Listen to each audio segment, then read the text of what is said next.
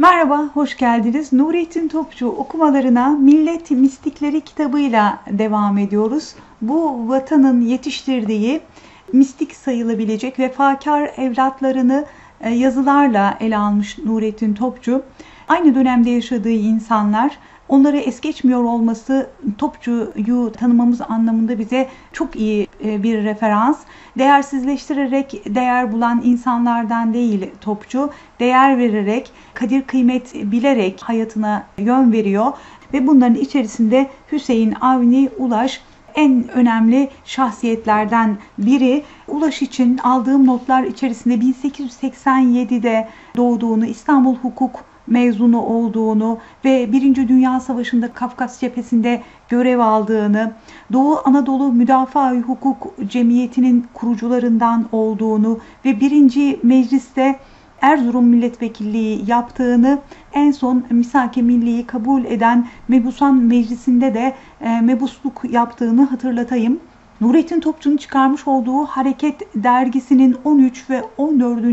sayılarını Hüseyin Avni Ulaş anısına özel sayı olarak çıkarmış Nurettin Topçu. Birinci meclisteki e, muhalif gruptandır Hüseyin Avni Ulaş. İzmir suikasti davası olarak da bilinen o sürek avı meşhur davada Kazım Karabekir, Ali Fuat Cebesoy ile beraber idam hükmüyle yargılanmış ama beraat etmiştir. Beraat ettiği zaman yaptığı bir konuşma var hakime bugüne kadar namusumdan emindim diyor Hüseyin Avni. Şimdi şüphe ediyorum. Ee, neden diye sorduğunda hakim Kel Kılıç unutmayalım karşısında konuşulması ve bu cevapların verilmesinin ne kadar zor olduğu bir dönem, e, bir şahıs ve bir ortamda diyor ki hepsi de benden günahsız ve namuslu arkadaşlarıma aslınızda bende ne gibi bir namussuzluk gördünüz ki bu şerefli ölümü benden esirgediniz diye karşılık veriyor Hüseyin Avni. Kanla değil fikirle inkılapların yapılması gerektiğini ve ancak inkılapların böyle kalıcı olabileceğini savunuyor Hüseyin Avni. O dönem birinci mecliste inkılaplarla ilgili konuşmalarda yaptığı muhalefette kullandığı cümlelerden biri. Damadı olduğunu unutmayalım Nurettin Topçu'nun, Hüseyin Avni'nin. Topçu Hüseyin Avni'yi anarken cemaatin unutmayalım herkesleşmeye, kalabalıklaşmaya ve sürü aklına karşı çıkan bir topçu var ve cemaatin zaferin asıl sahiplerini değil ben kazandım diye çizme ile başına basıp geçen ayakları öptüğünü söylediği topçu ama onun halka gücenmediğini, halk şartları gereği aldatılınca aldatmaya maruz kaldığını unutmamak gerekiyor. Hüseyin Avni de halka rağmen halk için çalıştı. Bunu unutmayalım diyor Topçu. Topçu'nun millet mistiklerinde ismini andığı insanların bu vatanın ruh cephesindeki simalar olduğunu unutmamak lazım. Ve bunları seçerken Kurtuluş Savaşı'nda cephede bir fiil bulunmuş, ve bu ülkenin evlatları olduklarını ve özellikle Cumhuriyet'in ilk zamanlarında yoğun mücadele veren insanlar olduğunu da hatırlatmak lazım. Bu da Topçu'nun yaşadığı dönemi nasıl algıladığı ve o dönemde nasıl mücadele ettiği ile ilgili bizim için hatırlatmalar. İdamla yargılanan Hüseyin Avni ve Selahattin Beylerin yanında Karavasıf adıyla başka bir milletvekilinin olduğunu ve dava esnasında kulağı duymadığı için ona savunması esnasında sorulan sorulara diğer iki arkadaşı olan Hüseyin Avni ve Selahattin Beyler'in cevaplarını kendi itirafatım olarak kabul etmenizi rica ederim dediğini birkaç defa Topçu yazılarda andı. Savunmasını aynısıyla kabul eden dostlukların önemli ve değerli olduğunu, ne kadar önemli bir kaynaktan beslendiğini, böyle dostlukların ancak e, namütanahiden beslenen bir algıyla inşa edilebileceğini hatırlattı bize. Hüseyin Avni'yi çok yakın tanıyor Nurettin Topçu. Kişilik özelliklerine değinecek kadar detaylı ifade etmiş yazılarında. Ömründe bir defa başının ağrıdığını söyleyerek bile diyor kimseyi rahatsız etmemiştir. E, gözlerinin görmediğini ve gözlerinin görmediğini ailesinin ve en yakınlarının ancak bir yıl sonra fark ettiklerini söyledi ki ben bunu okurken dehşete düştüğümü söyleyebilirim. İnsanlığa insan üstü bir imanla inanıyordu diyor Topçu. İnsana inanması konusunda ileriki yazılarda Celal Hoca için de bir şarklı gibi değil bir batılı gibi insana inanıyordu, insana değer veriyordu dedi. Bunu hatırlatmak isterim. Ona göre milletimizin iki cinsten musibeti vardı. Hoca ile Avrupa görmüş münevver. Hocaları bu kadar olumsuz atıfları hem Topçu'nun hem de Hüseyin Avni'nin yapıyor olması bize o dönemdeki din istismarının hocaların hem ilmi kalitesi hem de ahlaki kalitesinin ne kadar düşük olduğu ve bu istismarın da ne kadar fazla olduğuna dair ipuçları veriyor. Hüseyin Avni'nin ben ne sıhhatimi ne servetimi hatta ne de hayatımı muhafazaya mecbur değilim dediğini hatırlattı ve hilkatin her türlü takdiri dışına bir an bile çıkmaya muktedir olmadığımı bilirim dediğini ekledi ve ben yalnızca faziletimi muhafazaya mecburum sözlerini sayfa 38'de Topçu aktardı. Böyle bir cümleyi kurabilmek millet mistikleri olarak anılmayı gerektirir tabii diyor insan. Sadece faziletimi korumak zorundayım diyor. Diğer bütün alanlardaki güvenlik endişelerinin ve çabalarının boş olduğunu ifade ediyor Hüseyin Avni ve akla hayran olduğunu ve Sokrat'ı çok sevdiğini söyledi. Ve bizi hiç şaşırtmadığı bu satırlar Hüseyin Avni'nin Nurettin Topçu için ne kadar büyük bir değer olduğunu ve beslendiği bir kaynak olduğunun da izlerini sürüyoruz bu tür açıklamalarda. Hüseyin Avni'yi sadece düşünsel ve ahlaki olarak ele almamış, bir yazının sonunda zarif ve ince elleri olduğunu e, yazdığı Topçu bu da ne kadar ona değer verdiğini, ne kadar detaylı bir incelemeye tabi tuttuğunu gösteriyor. Hüseyin Avni Ulaş hakkında 6 yazı var bu kitapta. O yüzden bu 6 yazı içerisinde tekrarların fazla olduğunu söylemeliyim. Bir gazetenin biz inkılap yapıyoruz, tenkidin sırası değil manşetini attığını ve Millet Meclisi'nde yapılan muhalefetten rahatsız olduklarını hatırlattı Nurettin Topçu. Hüseyin Avni'nin ise Kabe-i Millet dediği meclis kürsüsünden bize dal kavukluk değil, bizi tenkit eden lazım diyerek haykırdığını ve muhalefete hürmet etmesini bilmeyen bu adamlar inkılap yapamaz diye de eklediğini kürsüden söyledi. Daha zamanı değilcilere dahil ederek bu parolayla ilgili 55. sayfada kendilerindeki yokluğu zamana isnat eden vehim, ilahi iradeyi karalamak isteyen iftira aklımızın prensiplerini de temelinden sarsmıştı. Zamanın bize dışarıdan sunulan bir nesne değil de içimizden doğan ve iradi kudretimizle hadiselerin huzuruna getirilen bir zemin olduğunu bilmeyenler sade, imansız, servet sahipleridir diyor Topçu. Zamanı kendi dışında olarak algılayan ve zamana mahkumiyetle e, karakterini ve ahlakını dizayn etmeye çalışanlara işte zaman sizin içinizden çıkan bir e, durumdur. Sizde e, böyle bir e, haysiyet ve onur olmadığı için daha zamanı değil diyerek konuşuyorsunuzu ifade ediyor Topçu. En son servet sahipleri diyerek de muhakkak sermayeye bir atfı var, bir dokundurması var Topçu'nun. O dönem Ali İhsan Paşa'nın itham edilen bir kitabı hakkında Hüseyin Avni Ulaş'a bu kitabı neden yazdı diye soruluyor. Hüseyin Avni Ulaş'tan şu cevap alınıyor. Sen neden yazmadın diye sorun dediğini ifade ediyor. Topçu bana hemen İsmet Özel'in Valdo sen neden burada değilsin sorusu aklıma geldi. Gazetecilerin sorduğu soruya verilebilecek en ahlaklı cevap e, yani Ali İhsan Paşa'nın hangi taşın altına elini koyduysa o taşın altına elini koyma cesareti gösterdiğini okuyoruz biz bu satırlarda. Ve Kabe-i Millet diyor meclis kürsüsüne Ali Şükrü Bey'in e, vefatından sonra ve ben köylüyüm diye kürsüden bağırıyor. Milletin yüzünü döndüğü yerin Kabe olarak algılanması o milletin ne olduğunu da ifade eder bizim için. Ve bir hukukçu Hüseyin Avni kanuna aykırı hareket eden diyor Hüseyin Avni Yunan kadar zararlıdır bizim için. Bu çok önemli. Hukukun üstünlüğünü bu şekilde ele alan biriyle karşılaşmak bizim için de çok mutluluk verici.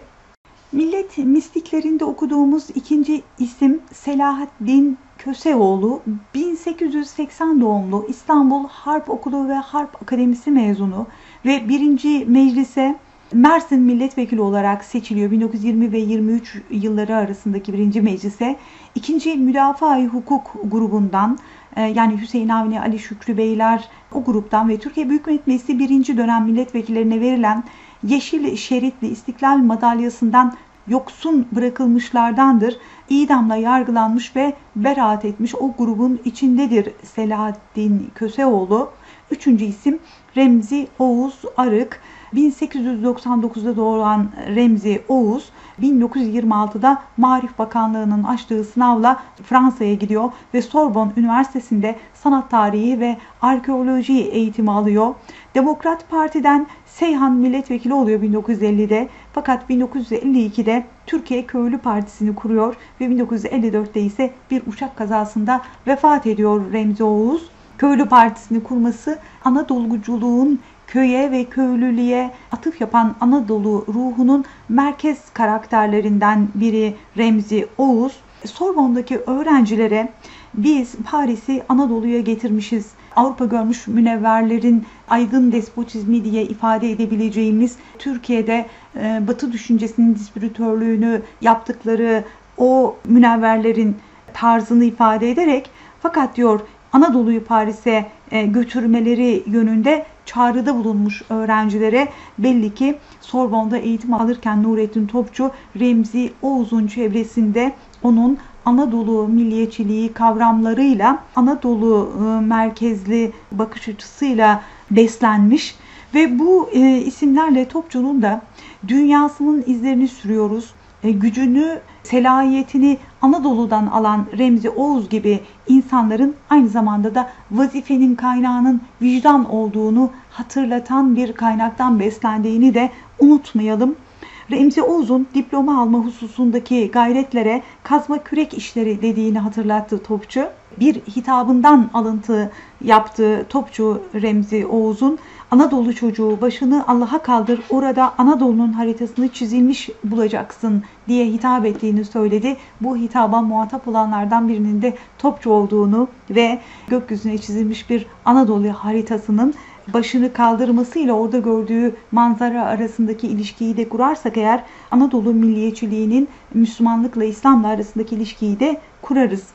Millet mistiklerinde sıradaki isim Rahmi Eray'ı anarken yazdığı yazıda ise insanlarla mukabilesinin tek taraflı olduğunu ve hizmet ehli olduğunu hatırlattı Topçu. Bu beni çok etkiledi. İnsanlarla tek taraflı bir mukavele imzalamak ne kadar yüksek bir inanç gerektiriyor dedim içimden okurken. Rahmi Eray'la Abdülaziz Bekkin'e ortak yönleri, ortak paydaları Topçu'yla, Milliyetçiler Derneği'nde de beraberler Topçu'yla bütün bu bilgileri artı bir araştırmayla internet üzerinden elde ettim. Araya Topçu'nun bu kitapta onlarla ilgili alıntılarını da ekleyerek bize uzak olan isimleri daha yakın kılmaya çalıştığımı söylemeliyim. Ve Peyami Safa'yı vefatı dolayısıyla anarken e, son devrin hikmet ve sanatta en büyük zekasını kaybettik demiş Topçu. Ve Peyami Safa bizim için e, bu ülkenin yabancı bir değeri değil. Celalettin Ökten hocamız hakkında uzun bir yazı vardı. Celal Hoca diye anmış e, yazı esnasında Topçu ve ömrü boyunca İmam Hatip okullarının açılması ve yaygınlaşması için mücadele ettiğini hatırlatayım Celal Hoca'nın. ilk İmam Hatip olan İstanbul İmam Hatip Okulu'nun kurucu müdürü olarak görev yaptığını da ekleyeyim. Celal Hoca'nın İslam felsefesi tabiri yanlıştır. İslam filozofları vardır dediğini hatırlattı.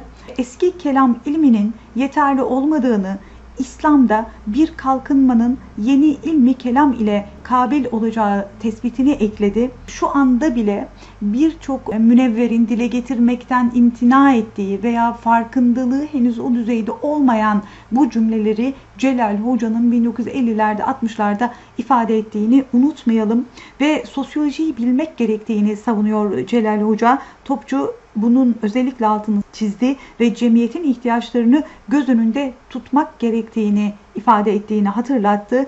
Topçu'ya göre Celal Hoca İslam dinini medeniyet aleminde 20. asırda yaşatabilecek bir seviyeye yükseltebilecek inkılabı yapabilecek bir mütefekkirdir. Bu çok önemli. Çağdaşlaştırmak, yaşadığı gerçekle temas ettirebilecek güce ve argümanlara sahip olduğunu söylüyor Celal Hoca'nın.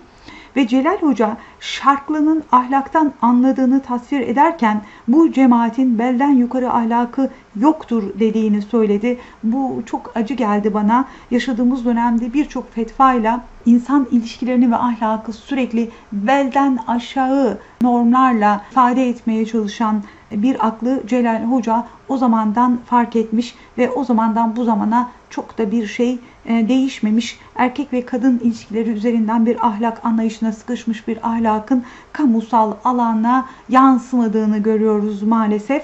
Ali Fuat Başkil'in de vefatı dolayısıyla bir e, yazı kaleme alıyor ve onun vatan hastalığına tutulduğunu söyledi Topçu. Bunu ezberlemek lazım. Vatan hastalığına tutulmuş insanlar diye bir liste olmalı ve kendimizi de içine dahil edebileceğimiz bir e, uzun liste yapmalıyız. E, mezar taşı için Topçu'dan bir metin isteniyor Ali Fuat Başgil için. Daha sonra iki isimler de Ali Nihat Tarlan, Sabahattin Ali, Cahit Okurer ve Ziyaettin Fahri Fındıkoğlu'nu da andı e, birer yazıyla. Bunlar oldukça kısa yazılardı.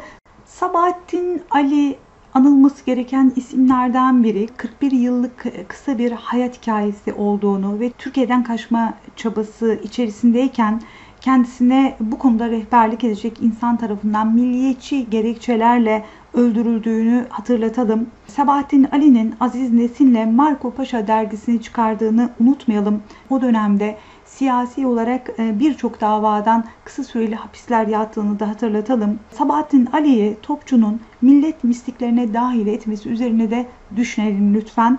Çünkü Topçu'nun bu ülkedeki vatanperverleri ve namuslu insanları nasıl değerlendirdiğine dair bize de bir bakış açısı kazandıracaktır. E, millet mistiklerini değerlendirirken onları bazı tarafların belirgin özellikleri içerisine hapsetmediğini, bu ülkenin değerlerini e, herhangi bir tarafa mal etmiyor Topçu. Güzel bir kitaptı benim için. Birçok insan hakkında hem bilgilenmek hem de onların değerli dünyalarına temas etme imkanı verdi. Bu vatana hizmet etmiş herkese rahmet diliyoruz. Bunları bize hatırlatan topçuya borçluyuz. Bazı insanlar öldükten sonra kınından çıkan kılıçlar gibi mücadele etmeye başlarlar. Topçunun da böyle olduğunu düşünüyorum. 2018-2019 yıllarında bize hala seslenebilip kendi mücadelesine bizi ortak edebiliyor. Bu topçunun ne kadar zaman ve mekanı aşan bir bakış açısına sahip olduğunu gösteriyor. Nurettin Topçu okumaya devam edeceğiz. Okuyarak ve dinleyerek eşlik ettiğiniz için teşekkür ederim. Görüşmek üzere. Hoşçakalın efendim.